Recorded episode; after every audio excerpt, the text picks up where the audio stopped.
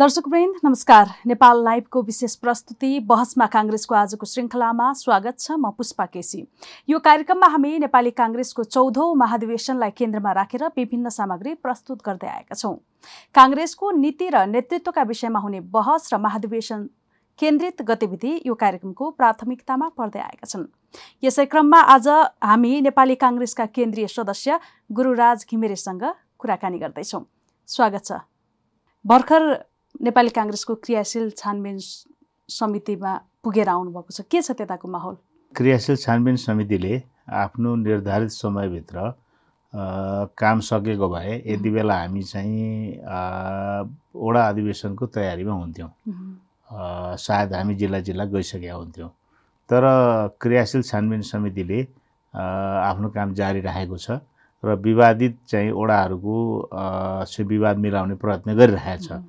वास्तवमा यो अत्यन्तै जटिल विषय पनि हो किनभने हामीले क्रियाशील सदस्यको सङ्ख्या चाहिँ एकैचोटि डबल गर्ने हामीले घोषणा गरेका छौँ। हाम्रो नौ लाखभन्दा बढी सदस्यताको सङ्ख्या कायम हुनेवाला छ। त्यसैले पनि यो सङ्ख्याको बढोत्तरी सधैँ सँगै विवादहरू पनि बढेका छन्।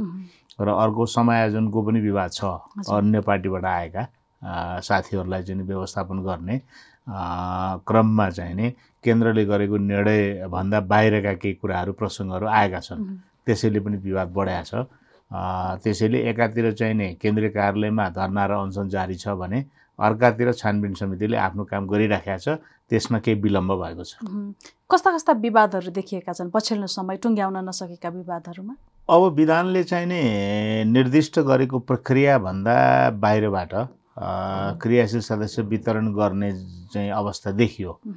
जस्तो कि हाम्रो विधानले नयाँ सदस्यको वितरण गर्दाखेरि वडा कार्य समितिको बैठक क्रियाशीलको बेला र त्यसले गरेको निर्णय त्यसले लिएको निर्णयलाई चाहिँ अन्तिम निर्णय मानेर क्रियाशील केन्द्रबाट प्राप्त भएका क्रियाशील सदस्यहरूको फारम भर्ने र पालिकामा पठाउने गाउँपालिका नगरपालिकामा गाउँपालिका र नगरपालिकाले प्रदेश निर्वाचन क्षेत्रमा पठाउने। प्रदेश निर्वाचन क्षेत्र कार्य समितिले चाहिँ सङ्घीय निर्वाचन क्षेत्रीय कार्य समितिमा पठाउने र विधिपूर्वक सिफारिस भइआएका क्रियाशील सदस्यहरूको नाम चाहिँ केन्द्रमा इन्ट्री गर्ने। त्यो प्रक्रिया भयो होइन? हाम्रो व्यवस्थित गरेको विधानले देखाएको बाटो त्यो भयो। अब यहाँ के भएको छ भने कतिपय ठाउँमा ओडाले पालिकाले प्रदेश निर्वाचन क्षेत्रले सिफारिस गरेका छ तिनै तहले छ। सङ्घीय निर्वाचन क्षेत्रले ती नामहरू चाहिँ नि इन्ट्री नगरेर आफैले चाहिँ अन्य नामहरू इन्ट्री गरिदिएको छ होइन?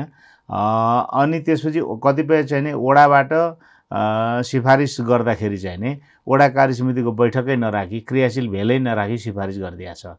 त्यहाँ वडाका महत्त्वपूर्ण नेताहरूले साथीहरूले त्यसमा चाहिँ उजुरी गरेका छन्। अब विधानले भनेको केन्द्रीय समितिले गरेको निर्णयको चाहिँ नि प्रक्रिया र छानबिन समितिले बनाएको मापदण्ड चाहिँ के हो भने तिनै तहबाट सिफारिस भइआएका र सङ्घीय क्षेत्रले इन्ट्री गरेका सदस्यले मात्रै मान्यता पाउँछन्।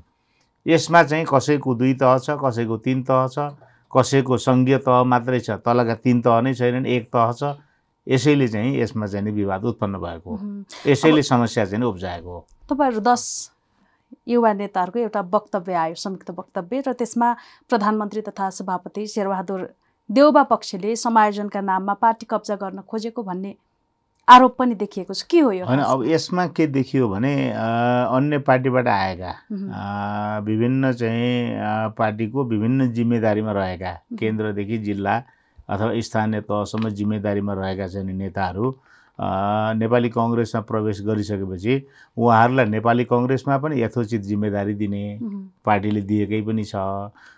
र अहिले चाहिँ नि महाधिवेशनको क्रममा उहाँहरूलाई चाहिँ क्रियाशील सदस्यताको फारम केन्द्रबाटै सोझै उहाँहरूलाई दिने। र उहाँहरूले भरेर बुझाउने काम पहिला हुन थालेको थियो।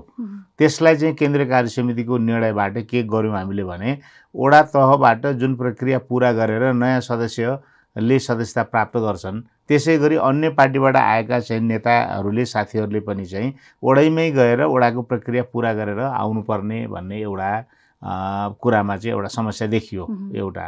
अब अर्को चाहिँ के देखियो भने चाहिँ अन्य पार्टीबाट आएको व्यक्तिका लागि चाहिँ सदस्यताको फारम दिने जुन एउटा मापदण्ड हो त्यो स्पष्ट मापदण्ड भएन। होइन हजारौँ हजारको सङ्ख्यामा। के कारणले? होइन कति पदाधिकारी र सदस्य लिएर आउनुभयो उहाँ पुरानो पार्टीबाट? होइन त्यसको कुनै लेखाजोखा नगरिकनै एउटा नेता आयो भने उसलाई चाहिँ हजारौँ हजार क्रियाशील सदस्यता दिने।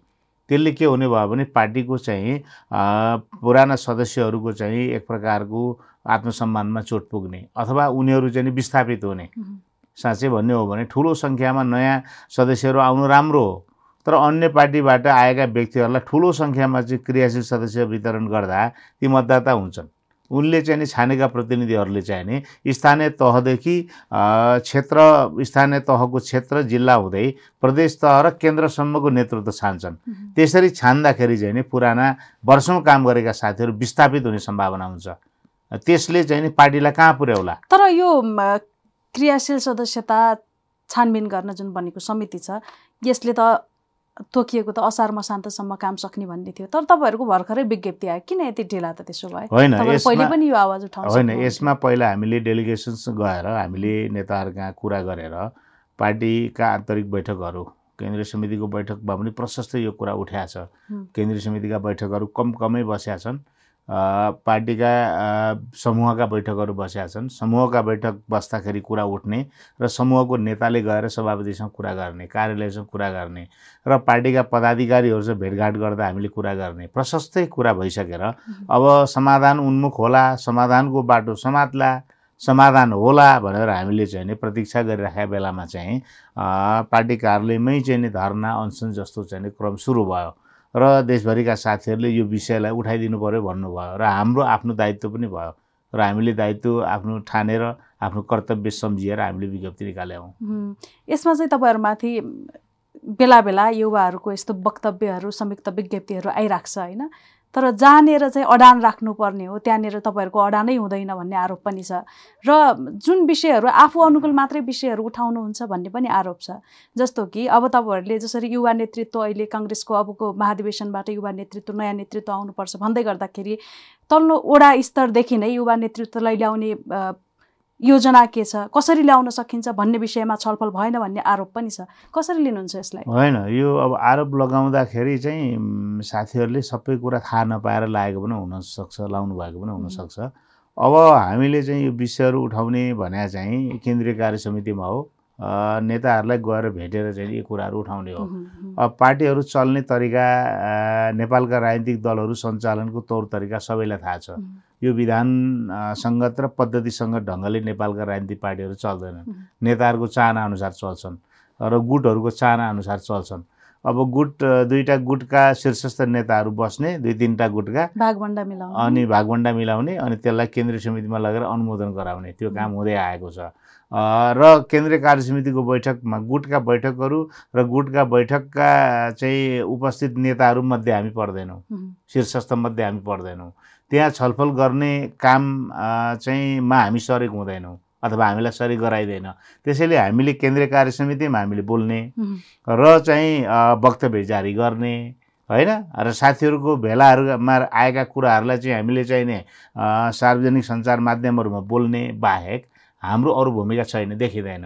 त्यसो भएको हुनाले साथीहरूले आरोप लगाउँदाखेरि यी सबै कुरा बुझ्नुभएको छैन। कतिपय साथीहरू किन आरोप हस्तक्षेपकारी भूमिका चाहिँ किन हुन सक्दैन र अर्को वडादेखि केन्द्रसम्म साथीहरूलाई कसरी लाने भन्ने कुरामा गृह कार्य भएको छ होइन? काठमाडौँमा उपलब्ध साथीहरू सम्पर्कमा रहनुभएका साथीहरू हामीले आवश्यक ठानेका साथीहरूलाई हामीले सम्पर्क गरेका छौँ। उहाँहरूले सम्पर्क गर्नुभएको छ। बारम्बार हाम्रो चाहिँ नि अन्तर्सम्वाद भएको छ। र वडा तहदेखि केन्द्रीय तहसम्म चाहिँ ल्याउने साथीहरूका विषयमा कतिपय हाम्रै तहले चाहिँ नि के अरे छलफलबाट टुङ्ग्याउन नसक्ने विषयहरू पनि हुन्छन्। जस्तो वडा तहमा हामीले को व्यक्तिलाई पुर्याउने भन्ने यहाँबाट तय गर्न सक्दैनौँ। पालिका निर्वाचन क्षेत्र जिल्लासम्मको कुरा हामीले चाहिँ लगभग लगभग केन्द्रमा छलफल गरेर जिल्ला प्रदेश र केन्द्रका चाहिँ भोलिका चाहिँ नेतृत्वमा पुग्ने सम्भावित साथीहरूका विषयमा हामीले गृह कार्य गरेका पनि छौँ।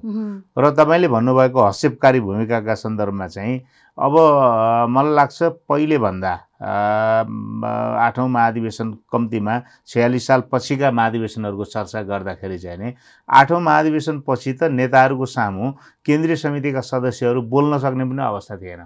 वास्तवमा। त्यतिखेरका नेताहरू अहिलेकै सभापतिहरू शेरबहादुर देउबा रामचन्द्र पौडेल लगायतका नेताहरू केन्द्रीय कार्य समितिका सदस्य हुनुहुन्थ्यो।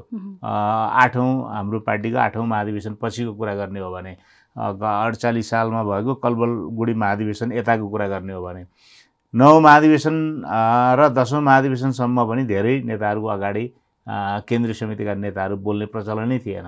नेताहरूको इसारा बुझ्ने उनीहरूको चाहना बुझ्ने नेताहरूको र नेताहरूको इच्छा बमोजिम चाहिँ आफू सञ्चालित परिचालित हुने नेताको सहयोगी हुने होइन? नेताहरूका निम्ति चाहिँ नि उहाँहरूको चाहनालाई उहाँहरूको इच्छालाई उहाँहरूको बुझाइलाई चाहिँ नि कार्यान्वयन गर्ने चाहिँ नि एउटा के भन्छ उपकरणको रूपमा काम गर्ने चाहिँ अवस्था थियो त्यतिखेर। तर जब एघारौँ महाधिवेशन यता बाह्रौँ र तेह्रौँसम्म आइपुग्दाखेरि अहिलेका साथीहरूले थाहा पाउनु भएको छ पार्टीका साथीहरूले। हामी केन्द्रीय कार्य समितिमा बोल्छौँ सार्वजनिक रूपमा बोल्छौँ होइन? र प्रधानमन्त्रीले लिने कदमका बारेमा बोल्छौँ। पार्टी सभापतिले लिने कदमका बारेमा बोल्छौँ। केन्द्रीय नेताहरूले मुख्य नेताहरूले पार्टीका शीर्षस्थ नेताहरूले पार्टीले कुनै निर्णय लिन लाग्यो र त्यस विषयमा उहाँहरूले कुनै प्रस्ताव राख्नुभयो भने ठिक हो या गलत हो हामी बोल्छौँ। यो निकै ठुलो परिवर्तन हो। र अब यसलाई हामीले चाहिँ भोलि चाहिँ नेतृत्वमा हामी आफै हाम्रो पुस्तालाई पुर्याउने एउटा प्रयत्नको यो प्रारम्भिक चरण हो। अब चरणबद्ध रूपमा अब नेतृत्व लिने चरणमा बोल्ने चरण पुरा भइसक्यो। बोल नबोल्ने चरण थियो। नबोल्ने इतिहास थियो। त्यसलाई तोडेर हामीले बोल्ने ठाउँमा हामी अहिले उभिएका छौँ। त्यसैले अब हामी नेतृत्व लिने चरणमा छौँ। अब यसो भनिरहँदाखेरि नौवटा भातृ संस्थाहरू अथवा शुभेच्छुक संस्थाहरूको काङ्ग्रेस निकट संस्थाहरूको निर्वाचनै हुन नसकिराखेको अवस्था छ। तदर्थ समितिमै चलिराखेको छ। कति संस्थाहरू त लगभग निष्क्रिय जस्तै छन्। यो अवस्थामा कसरी काङ्ग्रेस बलियो हुन्छ? कसरी लोकतान्त्रिक व्यवहार र चरित्र बोकेर अगाडि बढ्छ काङ्ग्रेस। अब हेर्नुहोस् यो विरासतको रूपमा यो व्यक्ति प्रधान चाहिँ राजनीतिलाई अहिले हामीले बोक्नु परिरहेको छ विरासतको रूपमा। राणातन्त्रपछि पञ्चायती व्यवस्था र त्यसपछिको प्रजातान्त्रिक कालका विरासतहरू कतिपय विरासतहरू। जो पार्टी सभापति भयो जो प्रधानमन्त्री भयो। पहिला जो श्री तिन थियो उसले नै मुलुकलाई आफ्नो इच्छाअनुसार चलाउने इसारामा चलाउने। त्यसपछि चाहिँ राजाले राजाको सर्वोपरि नेतृत्व बिचमा अलिकति प्रजातान्त्रिक काल पन्ध्रदेखि सत्रसम्म सातदेखि चाहिँ सत्रसम्मको अलिकति प्रजातान्त्रिक काल त्यसमा पनि सातदेखि पन्ध्रसम्म राजाहरू नै हाबी भए। अब त्यो सत्र अठार महिना अलिकति प्रजातन्त्रको अभ्यास हुने चाहिँ कोसिस भयो। त्यसपछि त पञ्चायतमा राजाको सर्वोपरितामा राजा नै सर्वसर्वा हुन् भन्ने काल थियो। प्रजातन्त्र आएपछि पनि जो प्रजा प्रधानमन्त्री हुन्छ पार्टी सभापति हुन्छ उनै सम्पूर्ण कुराको चाहिँ निर्णयकर्ता हुने अवस्था हामीले झेल्यौँ। त्यसको चाहिँ अवशेष बाँकी छ अझै पनि होइन? र जो मुख्य नेता हो उसैले आफ्नो इच्छाअनुसार चाहिँ पार्टी चलाउने। मेरो पार्टीमा मात्रै होइन हाम्रो पार्टीमा मात्रै होइन सबै पार्टीमा त्यो देखियो। केपी ओलीजीले भर्खरै देखाएर बिदा हुनुभयो। प्र प्रचण्डजीको पार्टीमा पनि उहाँकै चाहिँ आधिपत्य वर्षोसो छ। जनता समाजवादी पार्टीमा अलिक बढी नेता भएको हुनाले त्यहाँ अलिक खचपच बढी देखिन्छ द्वन्द्व बढी देखिन्छ। भनेपछि त्यो विरासतको रूपमा अहिले हामीले बिहोर्नु परिरहेको छ कि? त्यसैले पार्टीका अवयवहरूलाई चाहिँ व्यवस्थित बनाउने तिनका महाधिवेशन चाहिँ नि समयमै आयोजना गराउने होइन? तिनको सञ्चालन परिचालन चाहिँ विधिसङ्गत रूपबाट व्यवस्थित रूपबाट पद्धतिसङ्गत रूपबाट विधानले निर्दिष्ट गरेको प्रक्रिया अनुसार सञ्चालन गर्ने यी कुराहरूमा चाहिँ एकदमै ठुलो कमजोरी छ। पार्टी सञ्चालनमा पनि कमजोरी छ कार्यालय सञ्चालनमा पनि कमजोरी छ। त्यसैले यी सबै अव्यवस्थाहरूलाई हटाएर विधि र पद्धति सङ्गत रूपबाट पार्टी चलाउनुपर्छ भनेर हामीले कुरा गरिराखेका छौँ। त्यसैले अब यो सबै काम नेतृत्व नलिकन पटक्कै सम्भव देखिएन। त्यसैले नेतृत्व लिने चरणमा छौँ भनेर अघि मैले भन्न खोजेँ हजुर। अब देशको सत्तामा पुग्नुभएको सभापति देउबा पार्टी सत्ता कब्जा गर्न सत्ता र शक्तिको दुरुपयोग गर्नु होला कि भन्ने आशंका पनि नेपाली काङ्ग्रेसभित्रै देखिन्छ। त्यस्तै केही आभास पाएर तपाईँहरूले यो विज्ञप्ति जारी गर्नुभयो? होइन अब सत्ता सञ्चालनको कुरासँग चाहिँ यो जोडिँदैन। यो विशुद्ध पार्टीको महाधिवेशनसँग जोडिएका अहिले उत्पन्न भएका समस्याहरू पार्टीले उठाउनु भएका प्रश्नहरूका सन्दर्भमा विज्ञप्ति आएको हो होइन? यो राज्य सञ्चालनसँग जोडिएको विषय होइन। त्यसमा खालि हामीले जोडेका कुरा चाहिँ के हो भने अरू राजनीतिक पार्टीहरूले पनि नेपाली कङ्ग्रेसलाई विश्वास गरेर नेपाली कङ्ग्रेसको नेतृत्वलाई विश्वास गरेर अहिलेको हामीले स्थापित गरेको लोकतान्त्रिक प्रणाली शासन प्रणालीको जगेर्ना गर्छ। त्यसका लागि चाहिँ नि सुयोग्य नेतृत्व कुशल नेतृत्व प्रदान गर्छ नेपाली कङ्ग्रेसले।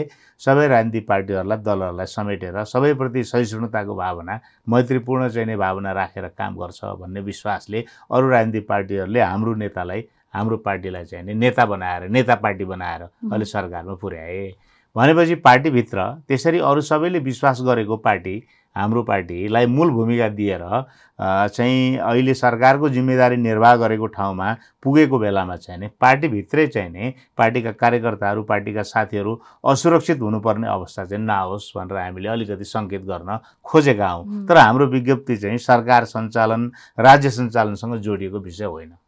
फेरि सरकारको विषयमा अझ पछि चर्चा गरौँला होइन?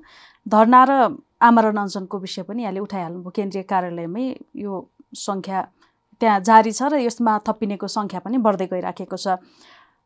यही अवस्थामा चाहिँ यो महाधिवेशन गर्न कति सम्भव छ? पार्टीले चाहिँ किन उहाँहरूको मागलाई सम्बोधन गर्न नसकेको? होइन यो एकदमै बिल्कुलै नयाँ परिस्थिति चाहिँ होइन होइन। यो विरोध अ, को अ, यो अहिलेको घटना चाहिँ विगतकै विरोधहरूकै निरन्तरता हो वास्तवमा। र यी अवस्थाहरू चाहिँ सिर्जना हुनमा चाहिँ पार्टीको चाहिँ नेतृत्व पङ्क्ति नै दोषी छ। वास्तवमा मैले अघि पनि अनौपचारिक रूपमा चर्चा गर्ने कोसिस गरेँ कि पार्टीका कामहरू चाहिँ हामीले विधानले चाहिँ तोकेको समय सीमाभित्र यदि हामीले गर्ने हो भने सदस्यता वितरण चाहिँ महाधिवेशन सकिएको चाहिँ पहिलो वर्षबाट प्रारम्भ गरेर तेस्रो वर्षसम्ममा सिद्ध्याइसक्नुपर्छ महाधिवेशन हुने वर्ष चौथो वर्ष विधानले चाहिँ निर्दिष्ट गरेको त चौथो वर्ष हो। चौथो वर्ष चाहिँ हामीले चाहिँ नि सदस्यता वितरण गर्ने नवीकरण गर्ने काम गर्न पाइँदैन। त्यो चाहिँ नि विधानमा स्पष्ट लेखा छ। तर त्यो स्पष्ट लेखेको व्यवस्थालाई निलम्बन गरेर हामी चौथो वर्षबाट काम सुरु गर्छौँ। हामीले समयावधि बढाउँछौँ र साढे पाँच वर्षभित्र पनि महाधिवेशन सम्पन्न गर्न हम्मे हम्मे पर्छ। अनि हतारमा गरेको अ, चाहिँ नि काम सही हुन सक्दैन। त्यसमा चाहिँ समस्या आउँछ। फेरि ध्यान के हुन्छ भने मतदाता बनाउँदाखेरि आफू केन्द्रित। सङ्गठन केन्द्रित होइन पार्टी केन्द्रित होइन। पार्टीलाई बलियो बनाउन सङ्गठन विस्तार गर्न होइन कि आफू बलियो हुन र आफूले बनाएका मतदाताले आफैलाई मत हालुन् र आफू चाहिँ नि आफूले चाहेको पदमा निर्वाचित हुन सकौँ भनेर त्यसरी हामी चाहिँ नि वितरण गर्छौँ। त्यसैले चाहिँ नि समस्या आउँछ। तर यी समस्याहरू चाहिँ नि हिजो पनि आए अहिले आकार बढेको छ। तर समाधान भयो क्या हिजो पनि। हिजो पनि धरना अनसन होइन तेह्रौँ बाह्रौँ यी सबै अधिवेशनहरूमा हुने गरेका छ। त्यसको आकार मात्रै सानो ठुलो हो। भोलम मात्रै कहिले खुम्चिने कहिले बढ्ने गरे हो। अब यसपटक पनि चाहिँ यी धरना र चाहिँ अनसन जस्ता जुन भइरहेका छन् साथीहरूका विरोधका कार्यक्रम यो दुःखदायी कुरा हो। यस्तो दिन आउनु हुँदैन।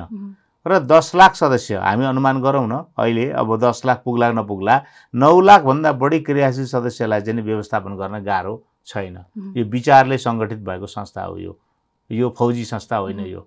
फौजी संस्थालाई त लाख लाख संस्था सङ्ख्या भएको सेनालाई चाहिँ नि पद्धतिले चाहिँ सङ्गठित गरेका छ। होइन? पुलिसको त्यस्तै अवस्था छ। अरू पनि चाहिँ गैर राजनीतिक संस्थाहरू अरू वित्तीय संस्थाहरूलाई चाहिँ नि विश्वव्यापी सञ्जाल भएका चाहिँ नि ठुला ठुला चाहिँ नि अ, बिजनेस चाहिने हाउसहरूलाई पनि उनीहरूले व्यवस्थित गरेर चलाएका छन् विधिले पद्धतिले। त्यसैले अहिले गाह्रो छैन। दस लाख सदस्य सञ्चालन गर्न पटक्कै गाह्रो छैन। लोकतान्त्रिक व्यवस्था विधि र यो व्यवस्थाको कुरा सबैभन्दा बढी काङ्ग्रेसले गर्ने र सबैभन्दा अलोकतान्त्रिक चरित्र चाहिँ काङ्ग्रेसमै देखिन्छ।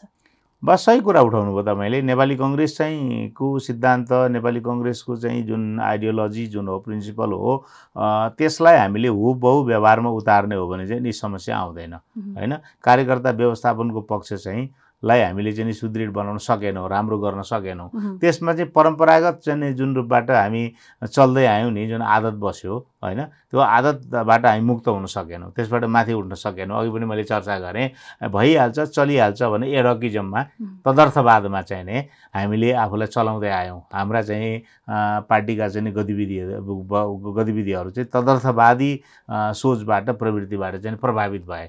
त्यसैले हामीले जे गर्नुपर्ने हो विधानले भन्छ दुई महिनाभित्र पदाधिकारी बनाऊ केन्द्रीय कार्य समितिको विस्तार गर। अहिले पछिल्लो संशोधित विधानले त्यही दुई महिनालाई छ महिना बनाएछ विभागहरू बनाऊ भन्छ भन्छ। होइन?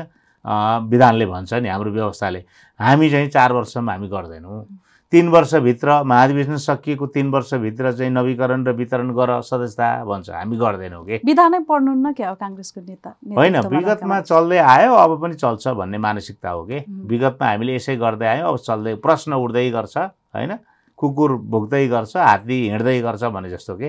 अब यो चाहिँ के हो भने डेमोक्रेटिक पार्टीले नबदली नहुने एउटा प्रवृत्ति चौधौँ महाधिवेशनबाट त्यो बदल्ने। बदलिने सम्भावना छ? बदलिनै पर्छ। हामी बदल्छौँ। हामी नेतृत्वमा आयो भने हामी बदल्छौँ। पार्टीलाई विधिसङ्गत तर पद्धतिसङ्गत अहिलेका सभापति शेरबहादुर देउवाले पुनः उम्मेदवारी दिने नै दावी गरिसक्नु भएको छ घोषणा नै गरिसक्नु भएको छ। उहाँको सम्भावना पनि बलियो नै देखिन्छ। यो अवस्थामा उहाँ नै पुनः सभापतिमा निर्वाचित हुनुभयो भने यसो हो अब समयक्रममा मान्छेले अनुभवले उमेरले परिपक्वता चाहिँ मान्छेमा आउँदै जान्छ र उसले आफूलाई सुधार्दै जान्छ भन्ने पनि एउटा हामी हामी अनुमान गरौँ एउटा कुरा। यदि उहाँ नै आउनुभयो भने किनभने प्रतिस्पर्धा गर्ने उहाँलाई छुट छ विधानले पनि छुट दिएको छ उम्. दुईपल्ट लड्न पाउनुहुन्छ। तर हाम्रो विश्वास चाहिँ के हो भने हामी चाहिँ नयाँ पुस्तामा लान्छौँ पार्टीको नेतृत्व। पुरानो पुस्ताले अब जे जति गर्यो धेरै ठुल्ठुला चाहिने परिवर्तन र धेरै ठुल्ठुला राजनीतिक क्रान्तिको अगुवाई गर्यो पुरानो. पुस्ताले र मुलुकलाई डोर्याएर यहाँसम्म ल्याइ पुर्यायो। समृद्धिको नेतृत्व गर्न सकेन होइन? त्यसमा चाहिँ नि आंशिक मात्रै प्रगति भयो।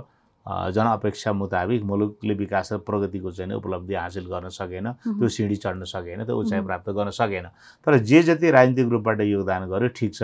पुरानो पुस्तालाई चाहिँ नि साधुवाद छ। र उसले चाहिँ अब अभिभावकीय भूमिका निर्वाह गर्नुपर्छ।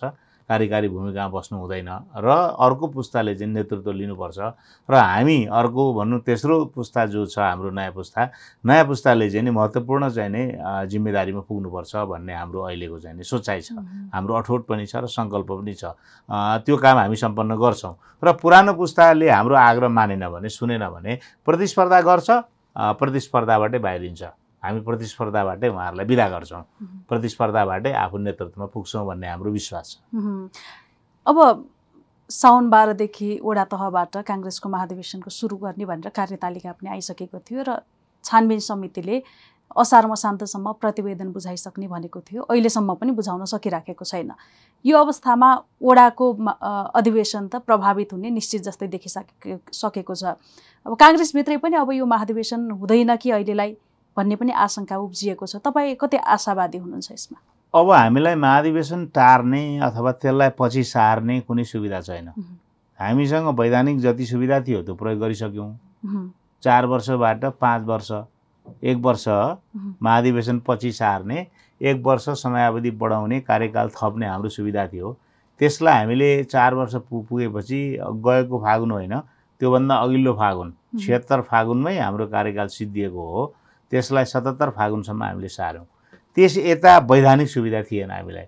संवैधानिक सुविधा हामीले उपयोग गरौँ र संवैधानिक सुविधा पनि भदौ उन्नाइस गते तेइस गते हो होइन अन्तिम डेडलाइन। त्यो सिद्धिँदैछ। हामीले वैधानिक सुविधा पनि उपयोग गरिसक्यौँ। हामीले संवैधानिक सुविधा पनि उपयोग गरिसक्यौँ। त्यसपछि उता जाने कुनै पनि गुन्जाइस मैले देख्दिनँ। फेरि चैत वैशाखमा स्थानीय तहको निर्वाचन गर्नुपर्छ। र मङ्सिरमा आउने मङ्सिर यो मङ्सिर लगत्तै आउने होइन कि अर्को मङ्सिरमा चाहिँ हामीले चाहिँ संसदीय निर्वाचन गर्नुपर्छ। हामीले सारेर पुर्याउने ठाउँै छैन होइन? अब अलिकति पर जाने बित्तिकै स्थानीय तहको निर्वाचनको मुखमा पुग्छौँ। त्यसभन्दा उता जाने बित्तिकै वर्षात चाडपर्व र फेरि संसदीय निर्वाचनमा हामी पुगिहाल्छौँ। त्यसो भएको हुनाले अहिले सार्ने कुनै पनि सुविधा छैन। एउटा कुरा चाहिँ तपाईँले भन्नुभएको कुरा चाहिँ अहिलेसम्म चाहिँ अलमल हुँदाखेरि नहुने हो कि सर्ने हो कि भन्ने संशय छ। तर मलाई विश्वास छ महाधिवेशन चाहिँ एकाध महिना अ, अब यो चाहिँ अब कोभिड पनि छ कोभिडको महामारी पनि छ। भेला हुने चाहिँ छुट दिएको छैन राज्यले। आफै राज्य सञ्चालनको चाहिँ मुख्य ठाउँमा हाम्रो सभापति पुग्नु भएको छ हाम्रो पार्टी पुगेको छ। त्यसैले यस्तो बेलामा चाहिँ आफैले चाहिँ नि ठुला ठुला आयोजना गर्नलाई कति सम्भव होला? त्यसको पनि त हामीले हेक्का राख्नु पऱ्यो त्यसैले चाहिँ अलिकति केही समय पर सारेर र वैकल्पिक विधिको प्रयोग गरेर होइन? एकै ठाउँ भेला नभइकन प्रविधिको प्रयोग गरेर होइन? वैकल्पिक चाहिँ नि हाम्रा अरू के हुन सक्छन् माध्यमहरू त्यसको प्रयोग गरेर हामीले चाहिँ नि महाधिवेशन गर्नुपर्छ। तोकिएकै समयमा हुन्छ। तोकेको समय त अब यो साउन बाह्रलाई हामीले केही दिन केन्द्रीयसम्म आइपुग्दाखेरि। केन्द्रसम्म आइपुग्दाखेरि अ, केही तलमाथि हुन सक्ला थोरै तर त्यो सुविधा हामीले सायद उपयोग गर्न सक्छौँ जस्तो लाग्छ। किनभने निषेधाज्ञाको कुराले पोहोरको चाहिँ नि लकडाउनको कुराले पनि त केही समय त हामीले उपयोग गर्न पाएनौँ नि त। त्यसलाई हामीले कानुनी हिसाबले चाहिँ निर्वाचन आयोगसँग कुरा गरेर अदालतसँग कुरा गरेर हजुर। जरिमाना। मलाई जहाँसम्म पर्दैन। जरिमाना चाहिँ एउटा अन्तिम विकल्पहरू त असाध्यै खराब विकल्प हो। एउटा लोकतान्त्रिक पार्टीले जरिमाना तिरेरै हामीले अवधि बढाउनु पऱ्यो भने समयको सुविधा लिनु पऱ्यो भने त्योभन्दा खराब केही पनि हुँदैन। तर क्रियाशील सदस्यता विवाद नै नटुङ्गिसकेको अवस्थामा कसरी गर्न होइन? क्रियाशील सदस्यता विवाद भनेको ठुलो सङ्ख्या होइन कि. छ हजार सात सय त्रिचालिस वडामा मह्म, लगभग एक सय वडा उनान्सय सय वडाको विवाद भने ठुलो विवादै होइन। मैले अघि अनौपचारिक रूपमा कुरा पनि गरेँ साथीहरूसँग कि भारतमा भारतीय जनता पार्टीले भारतका चाहिँ नि प्रान्तहरूमध्ये सम्पूर्ण प्रान्तहरूमध्ये पचास प्रतिशत प्रान्तको चाहिँ नि अधिवेशन भएपछि केन्द्रीय महाधिवेशन गर्न चाहिँ नि बाधा पर्दैन रहेछ।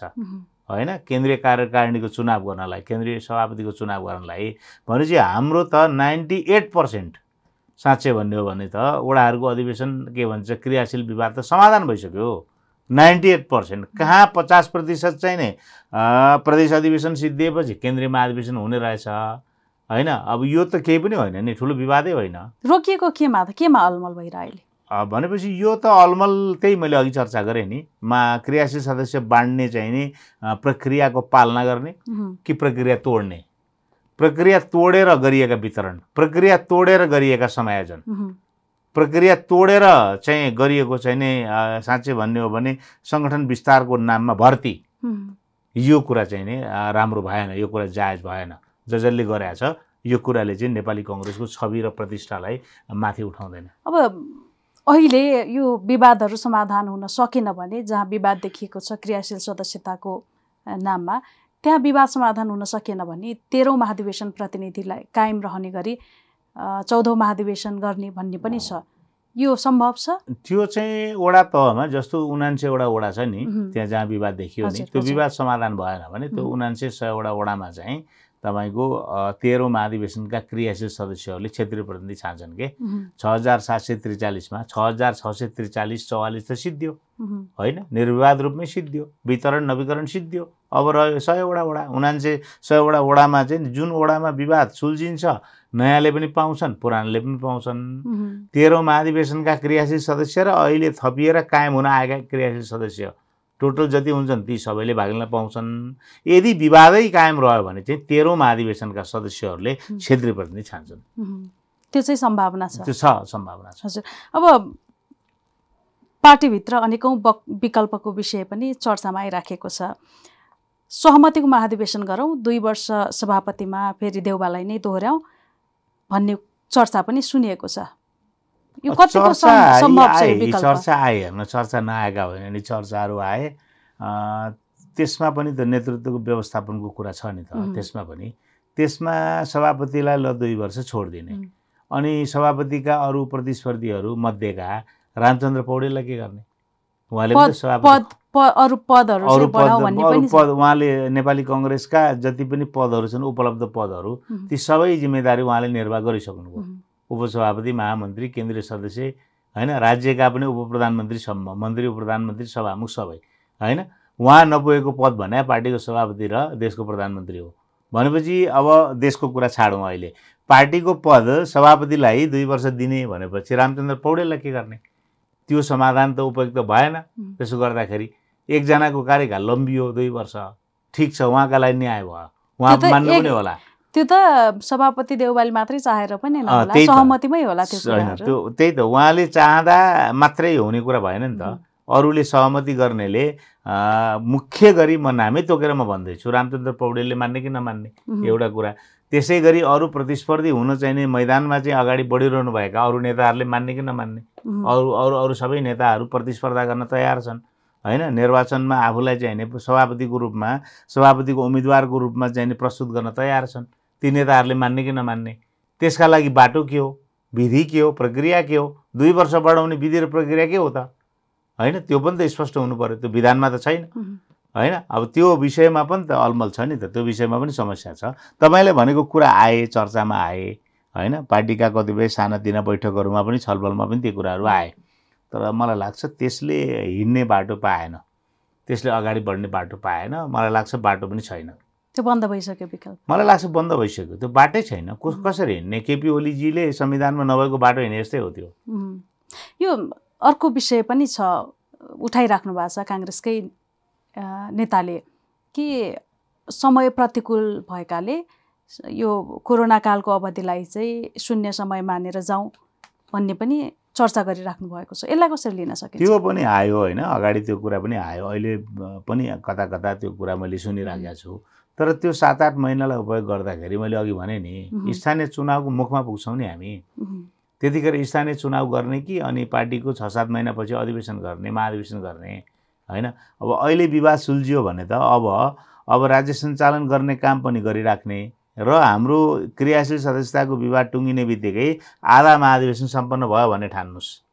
पचास प्रतिशत काम सिद्धियो भन्ने ठान्नुहोस्। त्यसपछि त निर्वाचन समितिले प्रतिनिधि खटाउँछ वडा वडामा निर्वाचन सुरु भइहाल्छ। खालि त्यसका लागि प्रतिकूल भनेको कोरोनाको सङ्क्रामक अहिले महामारी एउटा र बाढी पहिरो. दुईवटा भन्दा बाहेक त अर्को समस्या छैन। तर क्रियाशील सदस्यताको चाहिँ नि सङ्कट टर्ने बित्तिकै यो समस्या समाधान हुने बित्तिकै आधा महाधिवेशन सिद्धियो। त्यसैले अहिले कन्टिन्यू नै गरेर यो महामारी र चाहिँ नि यो बाढी पहिरोलाई छल्दै हामीले चाहिँ नि बिस्तारै हाम्रा कामहरू सम्पन्न गर्दै गयौँ भने त दसैँ तिहारको बिचसम्ममा हामी महाधिवेशन गर्न सकिहाल्छौँ नि। होइन? अथवा टाढा गए मङ्सिरसम्म त हामीले गर्न सकिहाल्छौँ नि। तर हामीले यो लकडाउनको अवधिलाई चाहिँ नि हामीले फेरि त्यो सुविधालाई उपयोग गर्न खोज्यौँ भने त हामी चैत वैशाख पुग्नुपर्ने हुन्छ। अनि त्यतिखेर स्थानीय तहको निर्वाचन गर्ने कि महाधिवेशन गर्ने? फेरि अर्को सङ्कटमा पर्छौँ हामी। त्यसो भएको हुनाले त्यो कुरा चाहिँ उपयुक्त होइन। अलिकति अब सरकारको प्रसङ्गतर्फ लागौँ।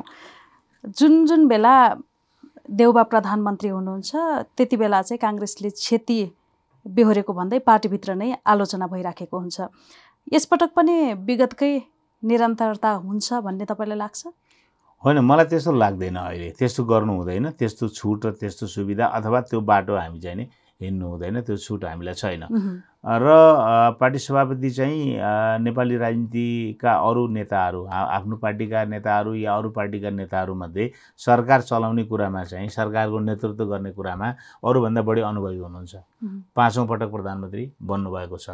र अघिल्ला उहाँका कार्यकालमा उहाँले कहाँ गल्ती गर्नुभयो कहाँ कमजोरी गर्नुभयो कहाँ राम्रो काम गर्नुभयो उहाँलाई भली भाँति थाहा छ। त्यसैले विगतबाट उहाँले सिक्नुपर्छ। विगतका कमी कमजोरीहरू उहाँले दोहोरिन दिनु हुँदैन त्यो कुरा चाहिँ नि आम जनताले पनि चाहिँ त्यही कुरा चाहेका छन्।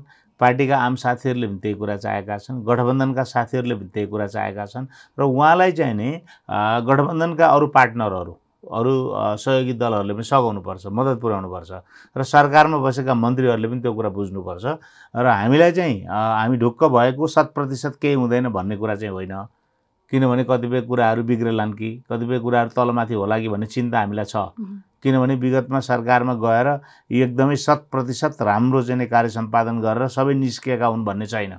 होइन? विगत उहाँमा उहाँहरू सरकारमा जाँदा उहाँहरूले निर्वाह गरेको भूमिका हामीलाई थाहा छ।